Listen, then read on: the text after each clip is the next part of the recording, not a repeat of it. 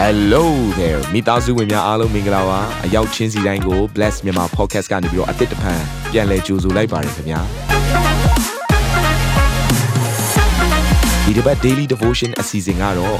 ယခင်ကဟောကြားခဲ့တဲ့နှုတ်ဘတ်တော်များထဲကနေပြီးတော့ highlight လောက်ဆောင်ပေးထားတာပဲဖြစ်ပါတယ်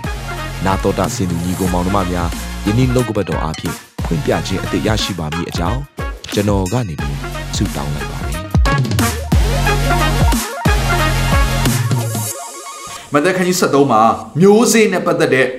နော်မျိုးစေ့နဲ့အပင်နဲ့ပတ်သက်တဲ့ဇတ်လံသုံးเนาะကျွန်တော်တို့ဒီ parable ပေါ့နော်သုံးခုကိုကျွန်တော်တွေ့ရပါတယ်အဲ့သုံးခုကပုံစံတူတယ်ဒါပေမဲ့သူဆိုလိုချင်တဲ့ຢာမတူဘူးအဲ့တော့ကျွန်တော်တို့ခဏလောက်လေ့လာမယ်ဆိုတော့ပထမတစ်ခုကတော့သူကမျိုးနော်ပထမတစ်ခုကပါမျိုးစေ့ကျဲသောသူကမျိုးစေ့ကိုကျဲခြင်းကထွက်သွား၏ဆိုပြီးတော့မသက်ခန်းကြီး73အငယ်3ကနေစပြီးတော့တွေ့ရမယ်အဲ့တော့အချို့အစေ့တွေကကျွန်တော်ဒီຢာလေးအတူတုံးပြောမယ်အချို့အစေ့တွေကလမ်းပေါ်မှာကြားတယ်ဆိုတော့ ငှက်တွေကလာပြီးတော့စားသွားတယ်အချို့စေးတွေကမြေနေပြီးတော့ကြောက်တော့များတဲ့နေရာမှာကြောက်ပေါ်မှာကြတယ်ဆိုတော့ကောင်းစွာအမြင့်မတွဲအမြင့်မဆွဲတဲ့ကြောင့်မလို့ခါနေပူတဲ့ခါမှာပျက်စီးသွားတယ်နောက်တစ်ခုကတော့စူးပင်ကြားထဲမှာကြားတယ်သူကကြီးတော့ကြီးတယ်တိုးတော်လည်းပဲဘေးကနှောက်ရှက်တဲ့အရာတွေကြောင့်မလို့နော်သူကကောင်းမွန်စွာအပင်မကြီးထွားနိုင်ဘူးတခါနောက်ဆုံးတစ်ခုကတော့ကောင်းသောမြေမှာကြားတယ်ဘာဖြစ်လဲဆိုတော့အစ30 60တရားတိုးပွားခြင်းရှိတယ်ဆိုတော့အဲ့ဒါရဲ့အတိတ်ဘက်ကိုတပည့်တော်တွေကနားမလဲတော့ယေရှုကိုမေးကြတဲ့အခါမှာယေရှုကဘာပြောလဲဆိုတော့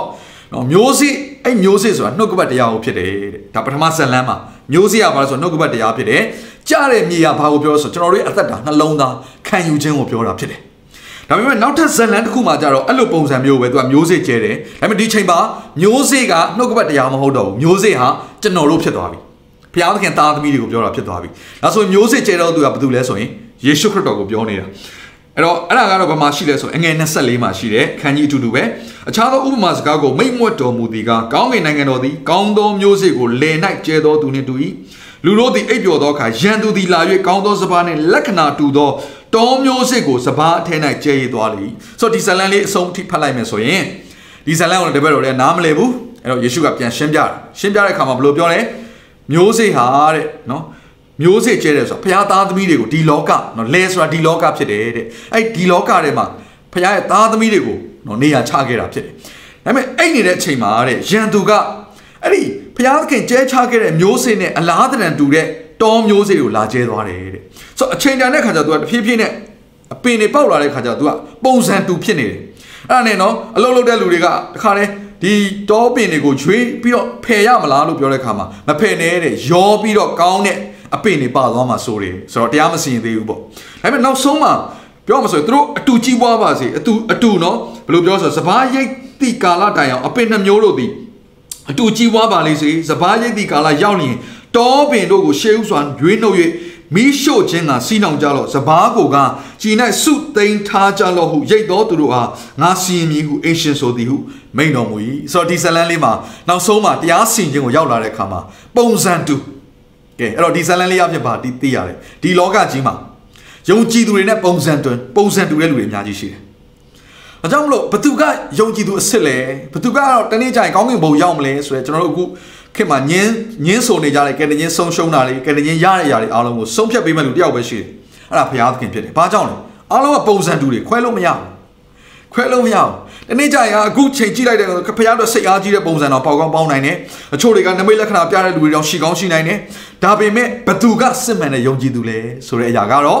တရားသူကြီးဖြစ်တဲ့ဘုရားခင်ကိုယ်တိုင်ဆုံးဖြတ်မယ်ဒီနေ့ကျွန်တော်အားလုံးသူ့ရှိမှမတည့်ရရမယ်အဲ့ချိန်ကျရင်အရင်ဆုံးရွေးပြီးတော့စီးနှောင်ပြီးတော့မိရှို့တယ်ဆိုတဲ့ဒီငရဲမှာတရားစီရင်ခြင်းပေါ့နော်ဘုရားခင်တရားစီရင်ခြင်းပထမအဆုံးခံရမှာဘယ်သူတွေလဲဆိုရင်စောစောပြောတဲ့အယောင်ဆောင်တဲ့သူတွေဖြစ်တယ်ညီကောင်မောင်တို့အဲ့ဒါဒီမမြင်ရတဲ့ရန်သူကိုပြောတာမဟုတ်ဘူး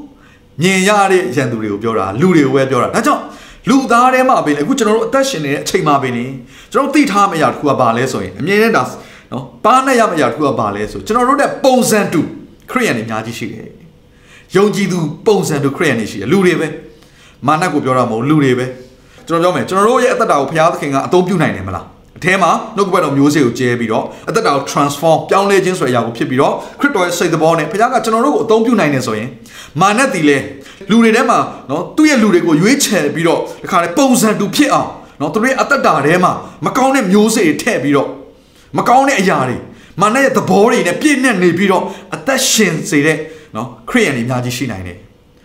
ကျမ်းစာကဒီလိုပဲပြောတယ်ပုံစံတူတွေဖြစ်တယ်ဒါကြောင့်မလို့ အခုချိန်မှာဘယ်ဟာကတော့ယုံကြည်သူအစ်စ်ဘယ်ဟာကတော့နော်ခရစ်ယာန်အတုဆိုပြီးတော့မခွဲနဲ့တဲ့သူကယောပြီးပါသွားစရာအကြောင်းရှိတယ်တနေ့ကျမှဘုရားသခင်စီရင်မယ်ဆိုတဲ့အရာကိုတွေ့ရတယ်ကဲနောက်ထပ်တစ်ခုနောက်ဆုံးတစ်ခုကတော့ဒီမျိုးစေ့လေးကျဲတဲ့ခါမှာတဲ့နော်အငယ်31မှာရှိတယ်ဥပမာစကားကိုမိတ်မွတ်တော်မူသည်ကကောင်းကင်နိုင်ငံတော်သည်လယ်၌စိုက်သောမုံညင်းစေနှင့်တူ၏မုံညင်းစေသည်အစေတကာတို့ထက်ငယ်တော်လဲကြီးပွားသောအခါမြက်ပင်တကာတို့ထက်ကြီးသဖြင့်မိုးကောင်းကင်ငှက်တို့သည်လာ၍အကိုင်းခက်တို့၌နားနေ မိခိုလောက်သောအပင်ဖြစ်တတ်သည်ဟုမိန်တော်မူ၏ဒီမျိုးစေ့ကြတော့သူကတမျိုးထူခြားသွားပြန်ပြီဒီမျိုးစေ့ဒီလဲကျွန်တော်တို့ဘယ်သူ့ကိုပြောရလဲဆိုရင်ကျွန်တော်တို့ကိုပဲပြောတာဖြစ်တယ်ဘုရားရှင်သားသမီးတွေကိုပြောတာဖြစ်တယ်ဒီဒီချိန်မှာတော့ဒီမျိုးစေ့ကအပင်ပေါက်ယုံမှမဟုတ်တော့ဘူးအသီးသီးယုံမှမဟုတ်တော့ဘူးငှက်အပေါင်းကနားခိုရတဲ့ကြီးပွားသောအပင်ဖြစ်သွားတယ်အရေးရမယ်အသီးနဲ့ထွက်မယ်သူတစ်ပါးအတွက်မိခိုစရာကောင်းတဲ့နော်လုံကြုံရာ နော်ကွဲကရာပြောရမယ်ဆိုရင်မိခိုစရာကောင်းတဲ့အာအရာကိုရမယ်ဆိုတော့ဘာကိုပြောနေတာလဲဆိုတော့တာမန်ယုံကြည်သူကိုပြောတာမဟုတ်တော့ဘူးစစ်တရေအစ်စ်ကိုလည်းပြောတာမဟုတ်တော့ဘူးတကယ်ကိုဘုရားရှင်အခွင့်အာဏာနဲ့အုပ်ဆိုးပြီးတော့သူ့ရဲ့အခွင့်အာဏာကြောင့်မလို့သူ့ရဲ့ဖြောင့်မတ်ခြင်းကြောင့်မလို့နော်သူဖျားဘက်ကနေရက်တီခြင်းနဲ့ဖျားပေးတဲ့တကိုးအခွင့်အာဏာတွေကိုတကယ်သုံးနိုင်တဲ့လူဖြစ်တဲ့ကြောင့်မလို့သူ့ရဲ့ဥဆောင်မှုအောင်မှာအဲ့ဒီအဲ့ဒီယုံကြည်သူတယောက်ရဲ့ leadership နော်ဖျားအမှုတော်ဆောင်အဲ့ဥဆောင်မှုအောင်မှာဒါကတော့ကျွန်တော်ပြောမှာရှင်ဘီရင်လည်းဖြစ်နိုင်တယ်စီးပွားရေးသမားလည်းဖြစ်နိုင်တယ်နိုင်ငံရေးသမားလည်းဖြစ်နိုင်တယ်ကျွန်တော်အမှုတော်ဆောင်တွေလည်းဖြစ်နိုင်တယ်ဆိုတော့ဒီအဆင့်ကတော့ဘာဖြစ်သွားပြီလဲဆိုသူတပားပြန်လဲပြီးတော့မိခိုပြီးတော့သူ့အသက်တာအဖြစ်ကောင်းကြီးမင်္ဂလာကိုပြန်လဲဖြန့်ဝေတဲ့မျိုးစေ့ကဲ့သို့ဖြစ်သွားပြီအဲ့တော့ဘုရားသခင်ကကျွန်တော်တို့ကိုဒီနေ့ဒီနှုတ်ကပတ်တော်အဖြစ်ဒီ နော်အင်တာမလှပတဲ့ဒီဇလန်းလေးပေါ့နော်ကောင်းကင်နိုင်ငံတော်ကဘယ်လိုပုံစံမျိုးလဲဆိုတဲ့ຢာလေးကိုမျိုးစေ့လေးနဲ့တခါလေးမတူတဲ့ပုံစံ၃ခုနဲ့ပေါ်ပြသွားတယ်။တော့ပထမတစ်ဆင့်ကဘာလဲဆိုတော့သင်ရဲ့အသက်တာထဲမှာနှုတ်ကပတ်တော်မျိုးစေ့ဒီကောင်းသောမြေမှာကြတော့မျိုးစေ့ကဲ့သို့သင်ဟာနှိမ်ချစွာယိုကျိုးစွာကျင်ပွားတဲ့နှလုံးသားကျွန်တော်ပြောမယ်အင်တာမကောင်းမွန်တဲ့မြေဆိုတာဘာလဲဆိုရင်ဖွထားပြီးသားမြေဖြစ်တယ်။မာကြောနေတဲ့မြေမဟုတ်ဘူး။ထုံရက်ထားပြီးသားမြေဖြစ်တယ်။နူးညံ့နေတဲ့မြေဖြစ်တယ်။ တော့မြေဩဇာနဲ့ပြည့်ဝတဲ့မြေမှာသာမျိုးစေ့ကြမယ်ဆိုရင်တော့အဲ့ဒီမျိုးစေ့ကအင်တာမကြီးထွားရင့်ကျက်လာမှာဖြစ်တယ်။ပြောအသက်တာကရင့်ကျက်လာမှာဖြစ်တယ်။ဆိုတော့ခါဒီမှာကျွန်တော်တို့ဘာကြောင့်မရင်ကျက်ရလာလဲဒီလောက်ကောင်းတဲ့နှုတ်ကပတ်တော်တွေကိုကြားပြီးတော့နောက်ဆုံးသောအချိန်ကာလနဲ့ဆိုင်တဲ့တပ်တွေတွေကိုလည်းရထားပြီးသွားပြီ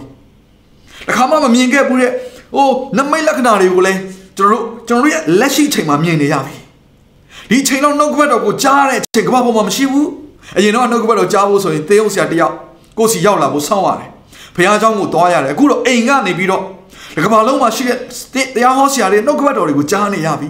ဒီလောက်ဒီနှုတ်ကပတ်တော်ကြွယ်ဝတဲ့ခေတ်ကြီးမှာကျွန်တော်တို့ရဲ့အသက်တာဒီကြီးထွားရင်းချက်ချင်းမရှိဘူးဆိုရင်အဲ့ဒါဟာသင်ရဲ့နှလုံးသားမြေကမာကြောနေတာဖြစ်နိုင်တယ်။ဒါမှမဟုတ်သင်ဟာစူးပင်နဲ့နှောက်ရှက်ခြင်းခံရတာဖြစ်နိုင်သလိုဒါမှမဟုတ်နှုတ်ကပတ်တော်ကိုသင်အလေးမထားတဲ့ကြောင့်မို့ရန်သူကနှုတ်ယူသွားတာလည်းဖြစ်နိုင်တယ်။ဒါကြောင့်မို့ဒီနေ့သင်ရဲ့နှလုံးသားဒီနူးညံ့ခြင်းတိမ်မွေ့ခြင်းနှိမ့်ချခြင်းနဲ့နှုတ်ကပတ်တော်ကိုဖျားဆေလွတ်နေတဲ့အချိန်မှာ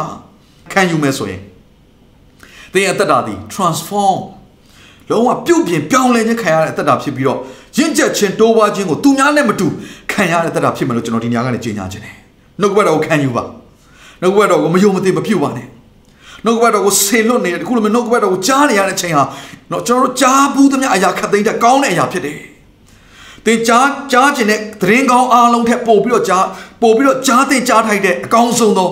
သတင်းဖြစ်တယ်။သင်ဘဝတရားကိုပြောင်းလဲစေနိုင်တယ်။သင်မိသားစုတစ်ခုလုံးပြောင်းလဲစေနိုင်တယ်။မြို့ရွာနဲ့တိုင်းနိုင်ငံကိုပြောင်းလဲစေနိုင်တဲ့နှုတ်ကပတ်တော်ဖြစ်တယ်။ဟာလေလုယာ။နာတော်တာစင်သူတိုင်းရဲ့အသက်တာမှာကောင်းကြီးဖြစ်မယ်ဆိုတာကိုကျွန်တော်ယုံကြည်ပါတယ်။သင်ရဲ့အသက်တာအတွက်များစွာသော resource တွေနဲ့ update တွေကို Facebook နဲ့ YouTube platform တွေမှာလည်းကျွန်တော်တို့ပြင်ဆင်ထားပါတယ်။ Facebook နဲ့ YouTube တွေမှာဆိုရင် search box ထဲမှာစုစွမ်းနာမင်းလို့ရိုက်ထည့်လိုက်တဲ့အခါ အပြအယောင်အမှန်ချစ်ထားတဲ့ Facebook page နဲ့ YouTube channel ကိုတွေ့ရှိမှာဖြစ်ပါတယ်။နှုတ်ကပတ်တော်တွေကိုဗီဒီယိုအားဖြင့်လည်းခွန်အားယူနိုင်ဖို့ရန်အတွက်အစဉ်သစ်ပြင်ဆင်ထားပါတယ်။ကျွန်တော်တို့ဝိညာဉ်ရေးရာအတွက်အထူးလိုအပ်တဲ့ဖွင့်ပြခြင်းတွေနဲ့ခွန်အားတွေကိုရယူလိုက်ပါ။နောက်ရက်များမှာပြန်ဆုံတွေ့ကြရအောင်ခင်ဗျာအားလုံးကိုနှုတ်ဆက်ပါတယ်